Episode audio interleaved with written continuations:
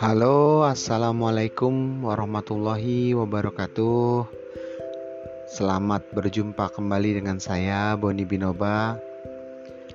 Pada kesempatan kali ini, saya akan membuat episode monotalk yang 002 ya.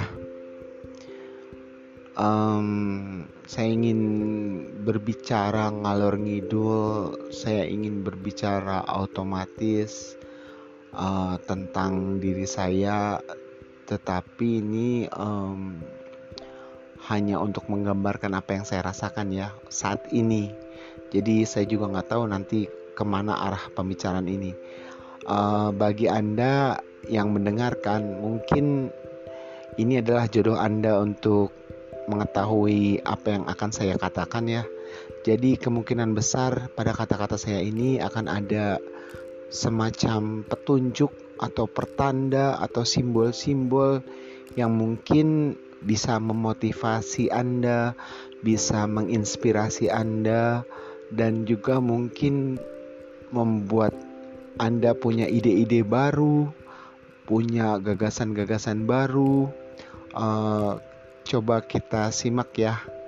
Uh, semoga Anda bisa menangkap hal-hal pada kata-kata saya yang berkorelasi atau berhubungan dengan apa yang Anda alami, apa yang Anda rasakan, dan semoga ini bisa me menghasilkan manfaat yang positif ya dalam hidup Anda.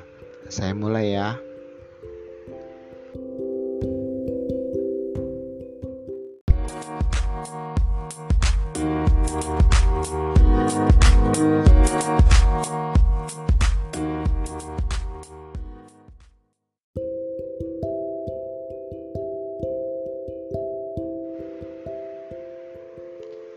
Sejak kecil, semua pemikiran sudah dilakukan oleh ayah saya yang pintar. Maka tidak ada lagi ruang yang tersisa untuk saya menunjukkan bahwa saya juga bisa berpikir. Sejak kecil, semua aktivitas, semua yang saya butuhkan sudah dilakukan dan sudah disediakan oleh ibu saya. Jadi saya pun tidak butuh untuk melakukan apa-apa. Semuanya sudah tersedia. Saya tidak pernah mencuci sepeda karena ibu saya yang mencuci sepeda. Bahkan saya tidak pernah merancang nasib saya sendiri karena semua Perencanaan sudah dilakukan oleh ayah saya yang pintar. Dia serba tahu tentang saya, apa yang baik buat saya. Seperti itu keadaannya ketika saya masih kecil. Sekarang, ayah dan ibu saya sudah tidak ada, dan saya tidak tahu harus bagaimana karena saya belum pernah mengalami hal yang seperti ini. Saya tidak pernah merasakan harus berpikir, dan saya juga tidak pernah merasakan mesti berbuat. Sejak kecil, saya hanyalah sebuah ikon, sebuah simbol, sebuah piala yang dipuja-puja oleh orang-orang. Sejak kecil, saya jadi pusat perhatian.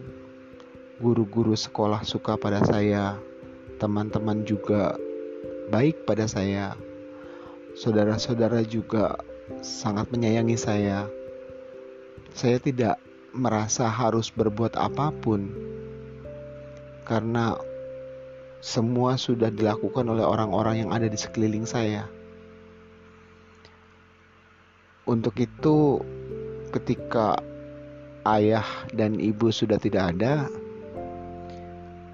perjalanan ini dimulai. Saya tidak tahu apa yang saya mau. Itu masalah terbesarnya. Saya bisa melakukan A, B, C. Saya bisa sukses di bidang A, sukses di bidang B, sukses di bidang C. Tapi satu hal yang jadi masalah, saya tidak tahu apa yang saya mau. saya tidak bisa merasakan keinginan saya sendiri. Tapi saya tidak berhenti untuk meneruskan cerita hidup saya. Saya menikah, punya anak, punya rumah, tapi karena saya tidak jelas, ya istri saya dan anak-anak saya pun pergi meninggalkan saya. Yang tidak jelas itu gini, saya merasa kosong dengan segala yang saya lakukan, dengan segala pencapaian yang saya sudah raih, saya merasa kosong karena saya merasa apakah ini hal yang benar-benar saya inginkan. Sampai suatu ketika tidak ada apa-apa lagi di sekeliling saya dan saya harus bertahan hidup. Makanan di kulkas sudah habis, persediaan beras sudah habis, um, dan saya juga meninggalkan semua yang pernah saya kenal. Saya hidup sendirian um, lalu saya mulai dari awal sekali saya cuman fokus untuk mencari makan istilahnya kayak itu ya. Um, saya harus menghasilkan uang untuk beli makan. Sesimpel itu sesederhana itu. Saya gali lagi keahlian apa saja ya yang pernah saya pelajari, pengetahuan apa saja ya yang pernah saya baca, kisah sukses siapa saja yang pernah saya dengar. Lalu ya saya lakukan apa yang bisa saya lakukan itu saja. Uh, karena saya tidak bekerja ya saya melakukan sesuatu yang dibutuhkan masyarakat gitu. Apa ya yang bisa saya jual? Karena saya tidak bisa bikin produk. Selama ini yang saya bisa melakukan hal-hal di bidang jasa um, karena saya banyak merenung ya saya banyak tahu tentang karakter manusia, nasib manusia, pola-pola, rumus-rumus. Maka saya buka konsultasi karena saya bukan seorang psikolog dan saya juga bukan seorang motivator. Saya hanya seorang filsuf yang personal ya. Saya bukan seorang penulis buku filsafat. Akhirnya saya terjun sebagai tarot reader ya ke masyarakat. Uh, dengan cara pemasarannya melalui blog ya Facebook ya secara online lah. Walaupun nanti ketika bertemu dengan klien ya saya nggak secara online. Saya melayani hanya secara offline saja um, pendapatannya cukup. Hanya saja dunia online itu kalau sa kalau lagi rame order gitu rame pesanan banyak panggilan ya rame. Tapi ketika sedang sepi ya saya tidak bisa bertahan. Saya butuh uang uang cepat ya. Makanya saya berpikir gimana caranya saya bisa mempunyai pekerjaan satu lagi walaupun hasilnya kecil tidak apa yang penting saya bisa bertahan uh, hidup ya bisa makan uh, sampai nanti ada orang konsultasi berikutnya untuk pekerjaan yang tarot reader ya.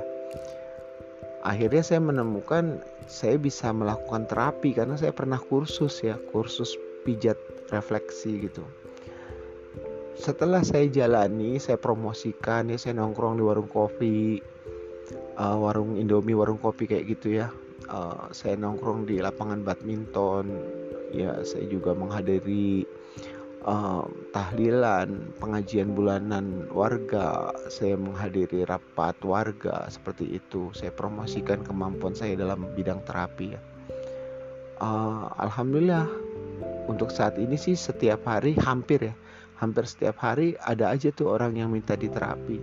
Walaupun sebenarnya sakitnya sederhana antara kelelahan dan atau masuk angin gitu. Ya sejak kecil saya punya pengalaman saya sering ngerokin ibu ya karena ibu saya sering uh, dingin badannya. Jadi ibu saya tuh agak gemuk uh, badannya dan sering masuk angin uh, karena dia kelelahan kan mengerjakan semuanya sendiri sehingga anak-anaknya nggak usah kerja apa-apa gitu. Nah saya sering ngerokin ibu. Nah um, ternyata masyarakat membutuhkan itu gitu dan saya juga tidak pasang tarif. Uh, berapapun ya nggak apa-apa gitu. Bahkan di awal-awal karir saya sebagai terapis ya saya nggak panggilan. Saya cuma di warung nolongin orang yang sakit ya kadang ada yang kasih rokok ada yang kasih kopi ada yang belikan indomie. Ya ada juga sih yang ngasih uang gitu walaupun berapapun ya. Dan saya memang tidak memfokuskan untuk uh, menjadikan ini sebagai profesi. Tadinya seperti itu. Sekarang ya alhamdulillah ya jadi saya punya dua pekerjaan ya. Setiap hari jadi terapi keliling-keliling dipanggil orang uh, terutama terapi untuk sakit masuk angin ya dan kelelahannya seperti orang yang habis main bola seperti itu ya. Orang yang capek bekerja gitu. Saya saya pijat dengan teknik refleksi itu. Alhamdulillah itu bisa menghidupi saya sehari-hari. Adapun kebutuhan-kebutuhan yang butuh biaya besar ya customer-customer saya di bidang tarot itu masih sering menggunakan jasa saya ya. Dulu awalnya saya jadi terkenal itu bukan dari internet sih, tapi karena sering ikut bazar-bazar yang ada di mall gitu. Jadi kalau ada bazar, ada lokasi stand atau booth yang kosong, ya saya kerjasama dengan IO uh, sharing profit ya. Jadi saya dapat 70%, IO-nya dapat 30% kayak gitu. Jadi dari situlah database saya uh, kenapa saya dikenal sebagai tarot trader. Itu saya lakukan selama 2 tahun ya. Setelah 2 tahun langsung saya stop. Saya fokus ke customer yang udah ada. Jadi saya nggak terus membesarkan profesi tarot trader ya. Saya hanya fokus ke klien-klien yang sudah pernah ketemu saya aja kayak gitu um, ya di masa pandemi karena repot ya ada ppkm ada pembatasan uh, waktu itu juga pernah ya. Saya kan sekarang tinggalnya di Kabupaten Bogor ya. Masuk ke Tangsel Tangsel mau ke Jakarta aja ada pembatasan. Orang susah jadi harus balik lagi gitu ya. Uh, terus juga ke mall juga kan ada scan barcode apa scan peduli lindungi ya kan. Ya selama pandemi itu saya bertahan dengan profesi sebagai seorang terapis pijat gitu kan uh, setelah saya jalani dua profesi itu ya dua profesi di bidang jasa ya jasa konsultasi dan jasa terapi ya akhirnya saya tahu yang saya ingin uh, yang saya ingin adalah kehadiran saya mempunyai arti bagi orang-orang yang saya sayangi. Seperti itu. Nah, saya doakan para pendengar sekalian juga bisa menemukan apa yang sebenarnya para pendengar inginkan. Tujuannya sederhana. Ketika Anda bergerak selaras dengan keinginan terdalam Anda, maka Anda akan punya energi yang sangat besar, semangat yang sangat besar, dan kebahagiaan yang sangat besar juga gitu. Betapa indahnya bergerak selaras dengan keinginan sejati gitu. Bukan karena membahagiakan orang lain, tapi karena membahagiakan diri sendiri. Keren kan ya? Ya, tapi bukan berarti Anda harus merenung baru berjalan. Berjalan saja dulu. Sambil berjalan, Anda akan menemukan bagaimana sebenarnya yang Anda inginkan dan bagaimana sebenarnya cara membahagiakan diri Anda masing-masing. bukan kebahagiaan yang bersyarat ya. Kebahagiaan kebahagiaan yang tanpa syarat, yaitu kebahagiaan bukan saat mendapatkan, tapi kebahagiaan saat Anda bisa memberi. Entah apa pun itu.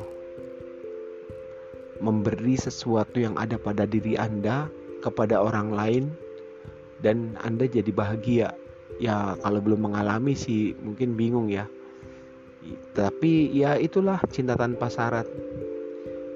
Bahagia ketika memberi. Uh, sekian dari saya. Terima kasih sudah mendengarkan. Semoga kalian bisa memetik hikmah dari apa yang saya ucapkan ini. Inilah episode monolog 002. Saya Boni Binoba. Sampai jumpa di podcast monolog yang berikutnya. Assalamualaikum warahmatullahi wabarakatuh.